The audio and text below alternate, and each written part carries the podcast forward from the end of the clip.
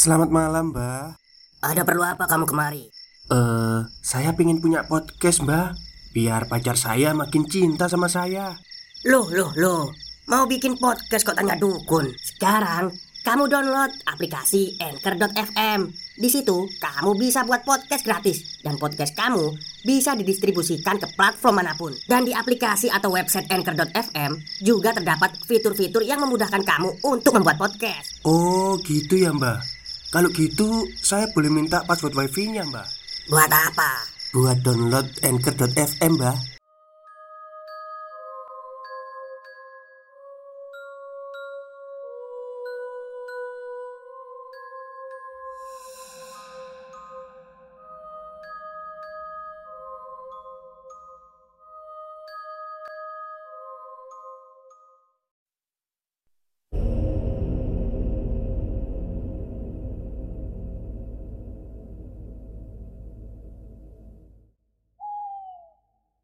Assalamualaikum warahmatullahi wabarakatuh. Halo semuanya Jumpa lagi dengan saya Chow Sing Sing Kurator dari Podcast Horror Night Story. Halo apa kabar semuanya? Semoga kalian semua baik-baik saja ya. Dan seperti biasanya Pada malam hari ini Saya kembali Dan akan menghadirkan sebuah kisah mistis untuk kalian dan pada malam hari ini adalah lanjutan dari yang kemarin Dari cerita Sungai Serayu. Part keduanya ya Sekaligus part terakhirnya. Selamat menikmati dan selamat mendengarkan. Bak terbenam oleh gelap malam. Tidak sampai semenit Irfan maupun mereka Lenyap dalam sekejap mata memandang. Rasa cemas menyelimuti Dirgo dia lemas terduduk, membayangkan apa yang terjadi pada dirinya atau Irfan. Matahari yang sedari tadi diharapkan muncul tidak juga menampakkan diri. Entah sudah berapa lama dia berada di alam ini. Dirgo tidak lagi berani melangkah. Dia hanya duduk mencoba berserah Mulutnya tak henti meminta pertolongan kepada sang kuasa. Baju yang sedari tadi basah mulai mengering tidak juga membuat Dirgo melangkah. Dia hanya khusyuk membaca doa sebelum lantunan itu terhenti oleh teriakan Irfan. "Tolong! Tolong!" Suara itu semakin kencang terdengar dari kejauhan, Dirgo dapat melihat sosok Irfan berlari kencang.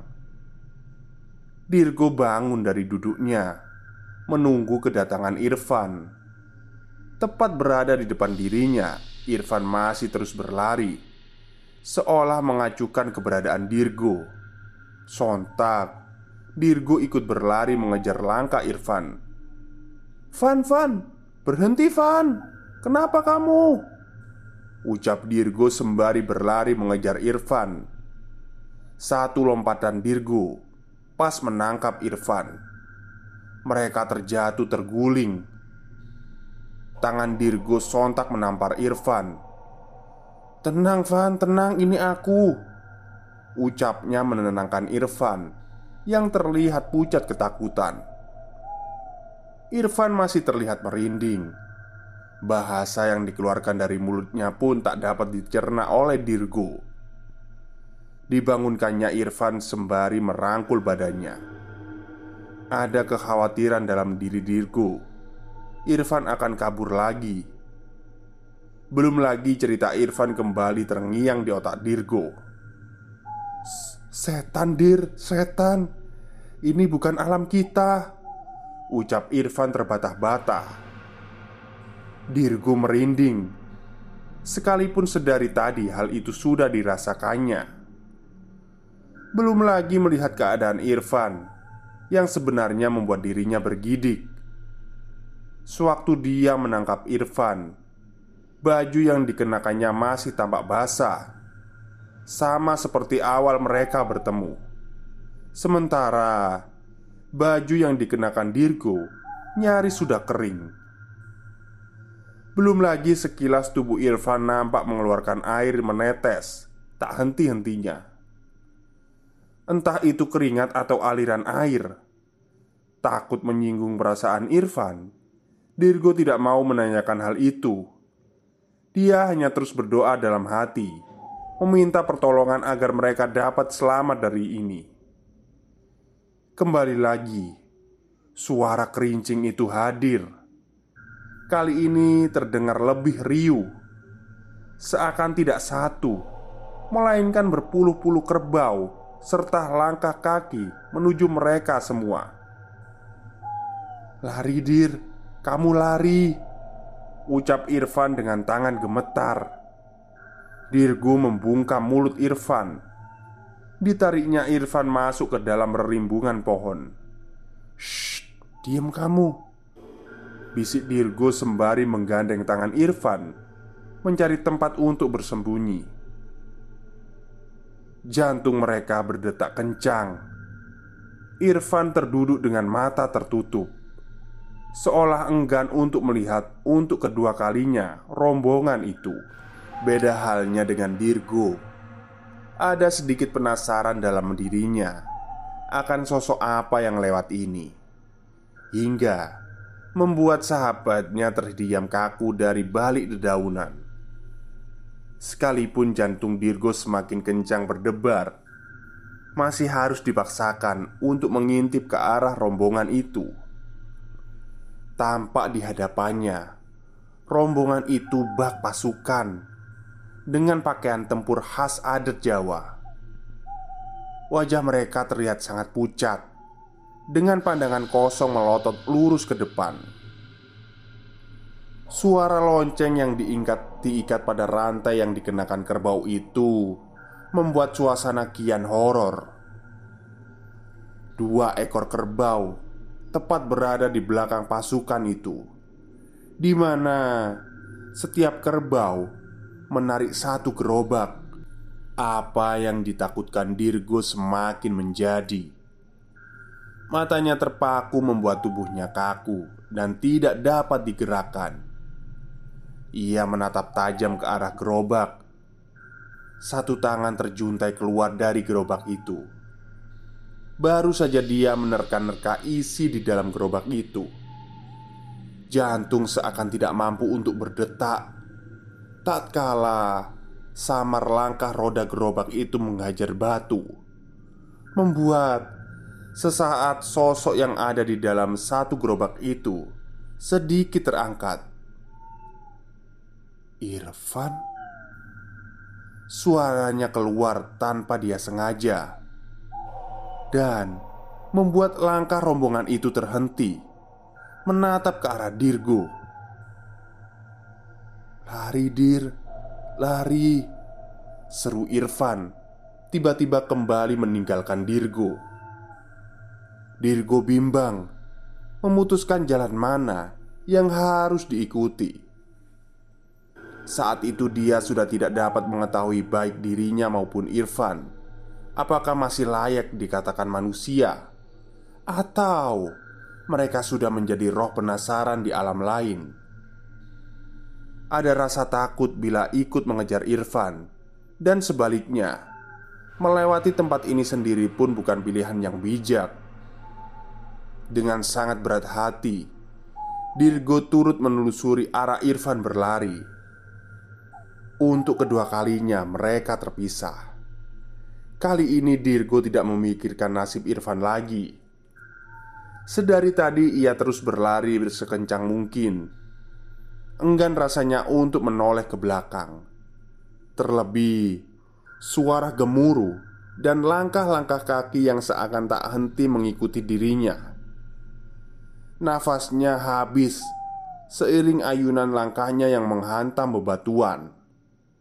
Diriku pun terjatuh. Tolong Teriak liri Dirgo. Dia semakin histeris. Tatkala Sosok makhluk wanita dengan wajah hancur Tepat berada di depan matanya.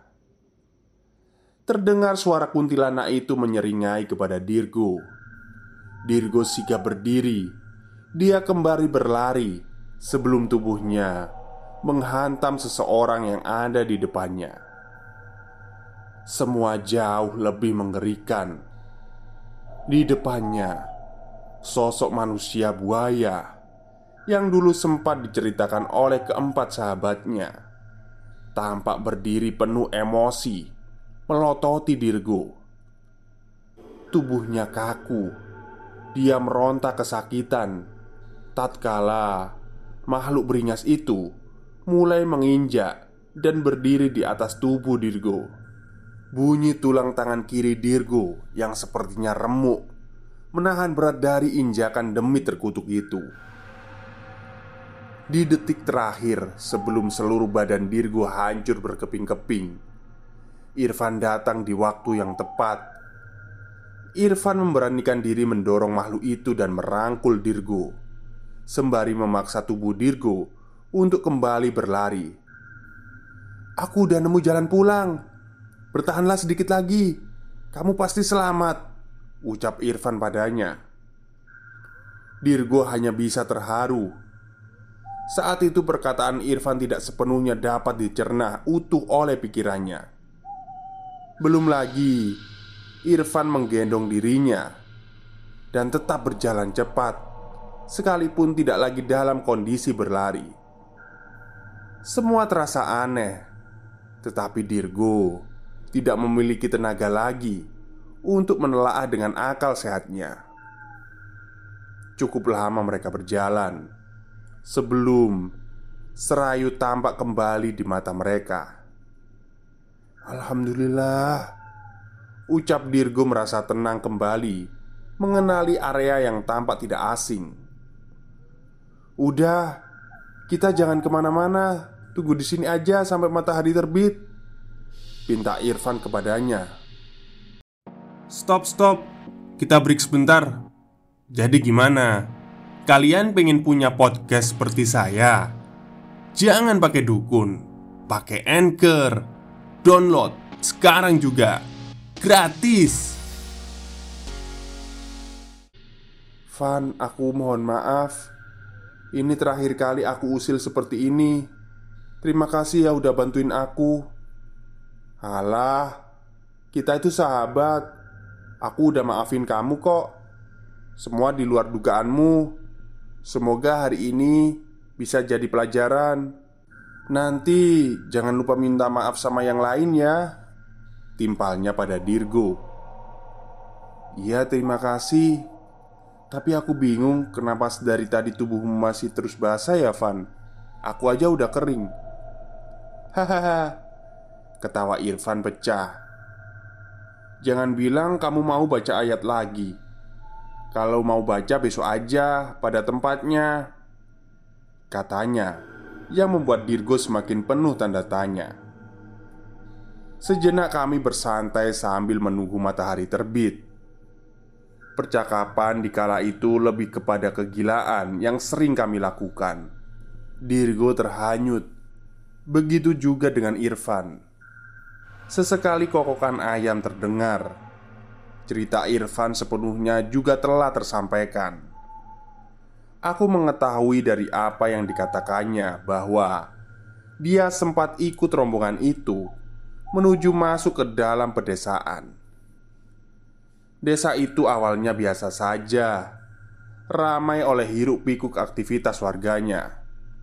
Malah Aku sempat berinteraksi dengan beberapa warga loh Kata Irfan kembali Nah Aku mulai sadar saat aku menyadari mereka itu tidak napak ke tanah kakinya Saat aku paham Ya terlambat Seakan mereka sudah tahu.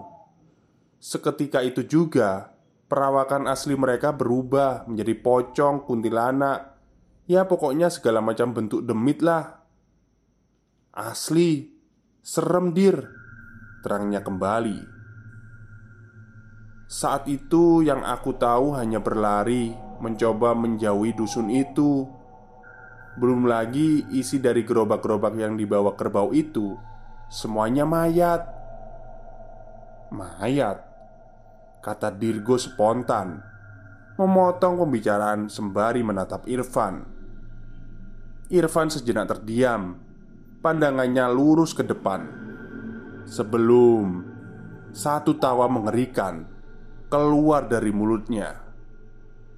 Iya dir Semuanya isinya mayat.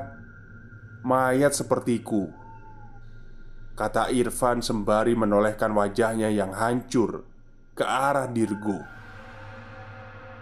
Dia kehilangan pijakan dan terjatuh lagi kembali ke sungai Serayu. Woi, woi, sini buruan, Dirgo udah ketemu. Buruan tolong. Teriak salah satu warga yang berhasil menemukan tubuh Dirgo. Setengah lima pagi, tubuh Dirgo diketemukan tersangkut pada tepian batu sungai Serayu. Tangannya patah, dengan beberapa bagian tubuh terlihat memar lebam. Untungnya, nafas masih tertiup, dan di kondisi seperti itu, dia sering histeris, menangis, bahkan mengigau layaknya orang yang tenggelam.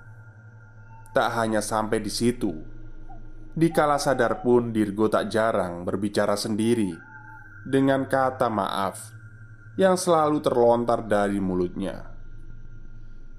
Dirinya selalu berkata seperti itu, sembari menatap fokus ke satu titik, seakan di sana ada seseorang yang sedang berkunjung. Sementara Irfan hingga saat ini tidak pernah diketemukan. Dia hanyut ke dalam dasar sungai Serayu. Jauh dari semua itu, hanya sosok Dirgola yang menjadi kunci akan apa yang terjadi. Beberapa kali juga Irfan hadir menceritakan kejadian pada saat itu.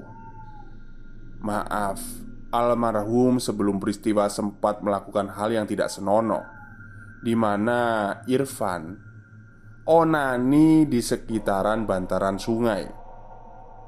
Hal itu belum tentu benar terjadi, namun rentetan peristiwa itu hadir seperti menceritakan kembali pada Dirgo lewat alam bawah sadarnya Beberapa kali juga Dirgo bermimpi mengenai apa yang dikatakan Irfan di mana dia berada di jalan setapak itu dan tidak dapat beranjak dari sana.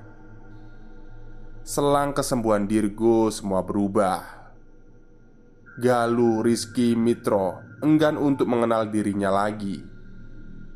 Dirgo pun sadar dia tidak ingin kembali memaksakan egonya Pernah sekali Dirgo mencoba menemui mereka Mencoba merealisasikan janjinya kepada Irfan Bahwasanya kelak Dia akan meminta maaf pada teman-temannya yang lain Namun ternyata Ketiga sahabatnya itu Malah memperlakukannya dengan kasar Dan melayangkan pukulan Sambil terus memaki dirinya.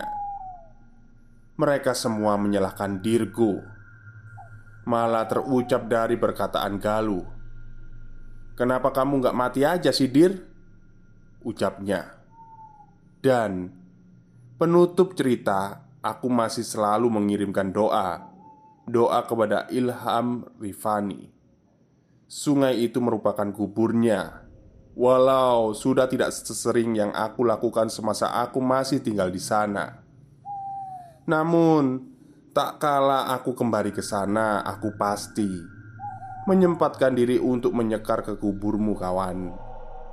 Di Sungai Serayu ini, aku hantarkan doa terbaik. Semoga engkau tenang di sana. Tamat. Oke, itulah akhir cerita dari Sungai Serayu. Ya, memang kalau kita itu bercanda itu harus tahu tempat ya. Jangan bercanda di tempat-tempat kayak keramat gitu. Ya oke okay lah. Derajat kita lebih tinggi dari mereka Tapi kita juga harus menghormati mereka kan Nggak harus menyombongkan diri kita gitu Oke mungkin itu saja cerita dari saya pada malam hari ini Semoga kalian semua terhibur dan mohon maaf jika naskahnya agak kacau. Baik, Selamat malam dan selamat beristirahat.